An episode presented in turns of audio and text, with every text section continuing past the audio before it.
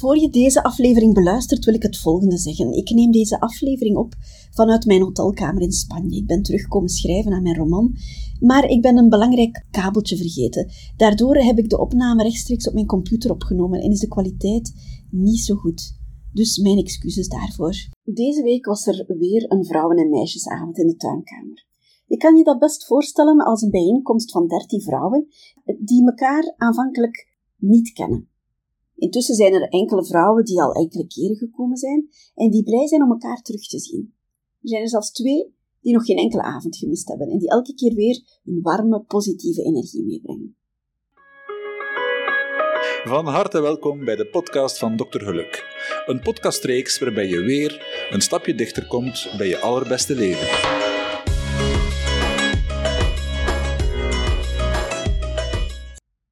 Welkom terug voor een nieuwe aflevering van de podcast van Dr. Geluk. Waar je ook bent, waar je ook staat, waar je ook ligt, welkom. En als je onderweg bent, houd dan veilig. Deze week was er dus terug een nieuwe vrouwen- en meisjesavond in de tuinkamer. Dertien vrouwen die elkaar niet kennen en die bij elkaar komen. Sommige vrouwen die waren eerder patiënt van mij in de huisartsenpraktijk. Sommige die kennen mij omdat ze bij mij al voor een coachinggesprek gekomen zijn.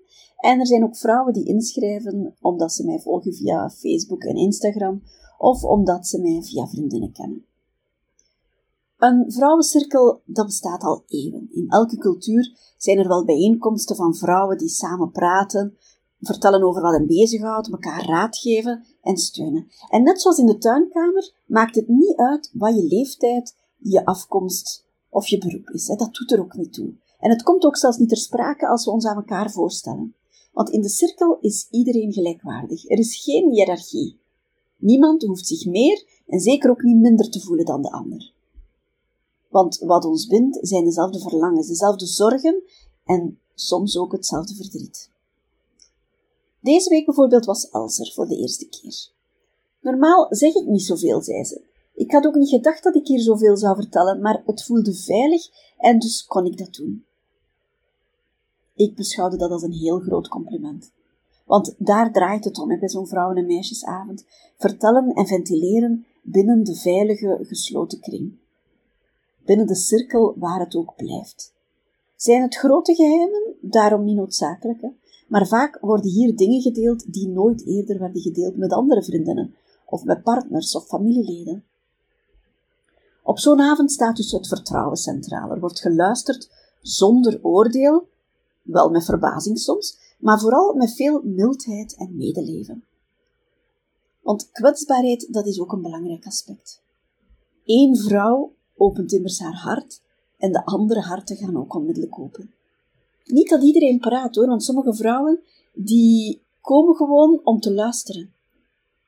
En er zijn er ook die van plan waren om niets te zeggen, maar die toch hun eigen verhaal doen, omdat er herkenning is en begrip bijvoorbeeld.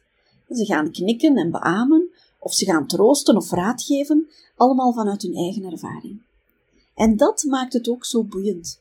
Iedereen zit eigenlijk in een andere levensfase. Soms sta jij al waar iemand anders al heel lang wil staan. Of soms helpen de, de levenslessen van anderen om moed te houden en om door te zetten voor jezelf. Zo is er bijvoorbeeld Claudine, de wijze vrouw met een rijk gevuld leven van vallen en opstaan, en die vertelt over de periode van zwarte sneeuw en drie jobs tegelijk terwijl ze zwanger was. Maar met vooral de liefde als krachtbron daarin. Zij leeft sindsdien vanuit overvloed, hè? niet meer bang om tekort te komen, omdat ze er alle vertrouwen in heeft dat je ook met weinig gelukkig kan zijn. En net op die avond was ook een vrouw daar die van plan was om weg te gaan bij haar man, maar die heel veel angst heeft om haar gouden kooi te verlaten. Ze heeft een mooi leven, ze woont in een grote villa, kan zich alles kopen wat ze maar wenst, maar het ontbreekt haar aan verbinding met haar man. Ze wil echte aandacht van hem. Ze wil dat veel liever dan zijn grote loon. Zij wil geknuffeld worden. Zij wil een complimentje krijgen voor de maaltijden die zij vol liefde bereidt voor haar gezin. En haar intuïtie zegt haar om voor haar eigen geluk te gaan. Maar het stemmetje van controle en het stemmetje van de angst die houden haar ter plaatse. Nu, net op de avond dat zij er was, waren van de dertien aanwezige vrouwen tien vrouwen gescheiden. En het was alsof het zo moest zijn, hè? dat zij er net die avond was. Want tien vrouwen die haar de weg al waren voorgegaan. Tien vrouwen die haar konden vertellen dat ze gelukkiger waren nu dan in hun on ongelukkig huwelijk toen. En ja, dat had pijn gedaan bij iedereen. En ja, er waren gevoelens van schuld en van falen bij. Want niemand kiest ervoor om te trouwen in de wetenschap dat er dan een scheiding volgt. Maar alle tien waren zij, ik ook, blij dat we voor onszelf hadden gekozen. En zanderdaags kreeg ik een mailtje van haar dat ze hoopvol was, dat de verhalen van de andere vrouwen haar deugd gedaan hadden, dat ze het weer zag zitten om voor zichzelf te kiezen. En dan moet je weten dat het niet veel gescheeld of ze was er niet bij geweest. Hè? Want ze had me in de late namiddag nog een berichtje gestuurd dat ze misschien niet de energie ging vinden om te komen. En dat bedoel ik met dat laatste plekje waar ik het over had in mijn post op Instagram. Dus het is altijd heel mooi om te zien wie precies dat laatste plekje heeft. Dat is altijd iemand die achteraf zegt: Ik heb zo hard getwijfeld, maar ik heb me toch ingeschreven en nu ben ik zo blij dat ik dat heb meegemaakt. Vorige week bijvoorbeeld was er een vrouw die op het laatst had afgezegd. Ze heeft fibromyalgie, ze had veel te veel pijn. En de dag nadien schreef ze me dat ze spijt had. Dat ze ons gemist had. Dat ze volgende keer zeker komt, ook al heeft ze pijn, omdat dat niet opweegt tegen het effect van die warme vrouwenenergie die ze wel zou krijgen dan, in plaats van thuis te blijven. Dus zij kwam niet, maar in haar plaats kwam op het laatste nippertje een vrouw die toevallig het bericht had zien passeren van de vrouwenavond.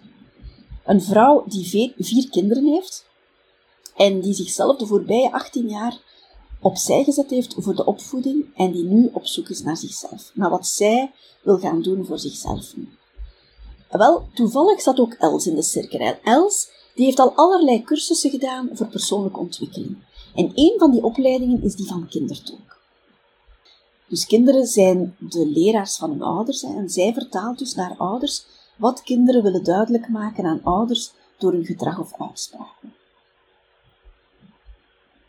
En het moest zo zijn dat die twee vrouwen elkaar daar ontmoeten, want Els die kon dus uitleggen aan die vrouw wat haar dochter wilde tonen aan haar moeder. Haar dochter kleedde zich op een bepaalde manier en via de opleiding van kindertolk kon Els aan die vrouw uitleggen dat haar dochter eigenlijk wilde tonen aan haar mama, kom voor jezelf op, toon jezelf van meer mama. Ik ben er zeker van dat dat een heel leerrijke avond was voor haar. Met nieuwe inzichten en vooral dus zonder spijt dat ze was gekomen. En op een avond zei iemand: Goh, mocht je nu naar de markt gaan om je kruisje te gaan ruilen met dat van iemand anders, hè, want ieder huisje heeft zijn kruisje, weet je wel, dan zou je toch snel terugkeren om je eigen kruisje toch maar weer mee terug naar huis te halen. En inderdaad, door de verhalen van anderen hoor je dat jij niet de enige bent die het moeilijk heeft. Hè? Want jij hebt misschien veel zorgen om je kinderen, maar je merkt dat jij misschien best wel een goede relatie met je partner hebt. Of omgekeerd, je kinderen doen het dan wel goed, maar je voelt niks van verbinding met je partner. Of er zijn grote conflicten met je familie of op het werk. En door al die verhalen zie je dat iedereen het moeilijk heeft, dat iedereen een rugzakje heeft, de ene wat groter dan de andere. Of je merkt hoe anderen omgaan met die rugzak. Ze blijven hem maar vullen en meeslepen, terwijl anderen hem gerust kunnen achterlaten of leegmaken. Of jou tonen hoe jij dat kan doen. Ik denk dat het van onschatbare waarde is om de veerkracht van anderen van nabij mee te maken, omdat dat hoop geeft. Omdat je ziet dat jij niet de enige bent die het moeilijk heeft. En ook de humor helpt, want er wordt tijdens zo'n vrouwen- en meisjesavond ook heel wat afgelachen, hè? en dat neemt de zwaarte weg. En de tijd die gaat meestal zo snel dat ik vaak vergeet om pauze te nemen. En plots is het dan tien uur. Of ik zet mijn wekker voor de pauze, maar dan verlies ik het einduur weer uit, uit, uit het oog. Om maar te zeggen, de avond vliegt voorbij en iedereen vertrekt met een warm gevoel. En natuurlijk blijven die verhalen vaak nazinderen, hè? want sommige verhalen komen hard binnen, die beklijven. Maar ze inspireren ook vaak. Misschien krijg je wel zin om te komen, maar durf je niet goed. Ik begrijp dat. Als ik naar een vuif moest vroeger, dan wachtte ik ook altijd op mijn vriendin buiten, zodat we samen naar binnen konden gaan. Zelfs onlangs nog, toen ik naar een huwelijksfeest mocht, toen hebben we buiten afgesproken met de andere vriendinnen, zodat we niet alleen onze entree moesten maken. Dus ik snap het wel, ergens binnenkomen waar je niemand kent, dat is best spannend. Maar ik garandeer je dat je je meteen op je gemak zal voelen in de tuinkamer. Het is er gezellig, hè, al zeg ik het zelf, en er hangt ook een goede vibe, dat zegt iedereen die er binnenkomt. Dus twijfel niet als je volgende keer een datum ziet passeren. Er staan er voorlopig nog drie op de planning, waarvan de eerste al lang volzet is intussen. Ik zou zeggen, kom, zet je erbij en geniet. Want zoals mijn top van Goedelen zegt, in de tuinkamer moet je niet werken. Daar moet je enkele uren niet aan je huishouden denken. En daar kan je wat tijd nemen voor jezelf. Opladen bij de andere vrouwen.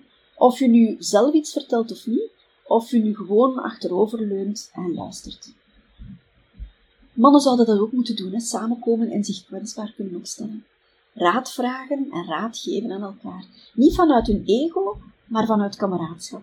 Vanuit hun eigen ervaringen, goed bedoeld en steunend. Dat zou zoveel veranderen. Nu staat iedereen er alleen voor, terwijl we zoveel kunnen leren van elkaar. Door dat andere perspectief, andere oplossingen waar je jezelf vastloopt. Terwijl we zoveel kunnen leren van elkaar. Door dat andere perspectief, andere oplossingen waar je zelf vastloopt of een tunnelvisie hebt of je eigen blinde vlekken niet kent. Dus durf jij dat plekje innemen in de cirkel? Of heb je er een oordeel over misschien? Vind je dat maar iets raars? Denk je dat het te zweverig is? Nu, ik kan je garanderen van niet, hè. Ja, ik lees waarschijnlijk wel een tekst voor in het begin. En ja, misschien laat ik ook muziek horen. Maar zweverig is het allesbehalve. Ik denk dat wij daar juist heel erg gegrond zijn. Dat we daar met beide voeten op de grond zijn om beter in het leven te kunnen staan en de problemen van elke dag op te lossen. Maar hoe zit dat met jou en je plek mogen innemen? Mag je tijd voor jezelf nemen? Of moet je s'avonds strijken, of opruimen, of stofzuigen? Mag je voor jezelf opkomen en zeggen dat je een avondje weg bent? Of valt het dan in verkeerde aarde en blijf je dan maar thuis voor de lieve vrede? Neem jij je plek in huis, op het werk, in je familie? Of is het ook daar moeilijk om gezien en gehoord te worden? Als er één ding is dat wij vrouwen allemaal gemeen hebben, dan is dat dat we altijd maar goed ons best willen doen. Dat we niet mogen falen van onszelf. Dat we alle bordjes in de lucht willen houden, en dat zijn er veel soms. We willen sterk zijn, maar daar zit onze kracht niet, denk ik. Daar gaat onze energie juist verloren, in dat altijd sterk te willen zijn. Zou het niet veel beter zijn om af en toe eens te mogen leunen, om hulp te mogen vragen, om eens niet van alles te moeten moeten? Hoe zou het zijn om tussendoor te kunnen opladen op tijd, om dan weer voor te kunnen, met frisse moed, met nieuwe energie en met de hoop dat alles goed komt? Neem je plek in waar dan ook, hè? Vraag wat je nodig hebt, vraag wat jou kan opladen, vraag om te mogen rusten af en toe. En als je jezelf een mooi cadeau wil doen, of aan de mannen als je je vrouw een geschenk wil geven, vraag of geef dan een plekje voor de vrouwen- en meisjesavond. Ik beloof je dat je er geen spijt van zal hebben. Trouwens, een gelukkige vrouw geeft haar geluk door aan zoveel meer mensen. Ik ben er hard van overtuigd dat we samen voor het rimpeleffect kunnen zorgen.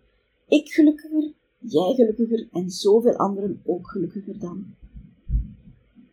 Op mijn website www.doktergeluk.com vind je meer info op de eerste pagina en ook bij de rubriek Wat en Hoe.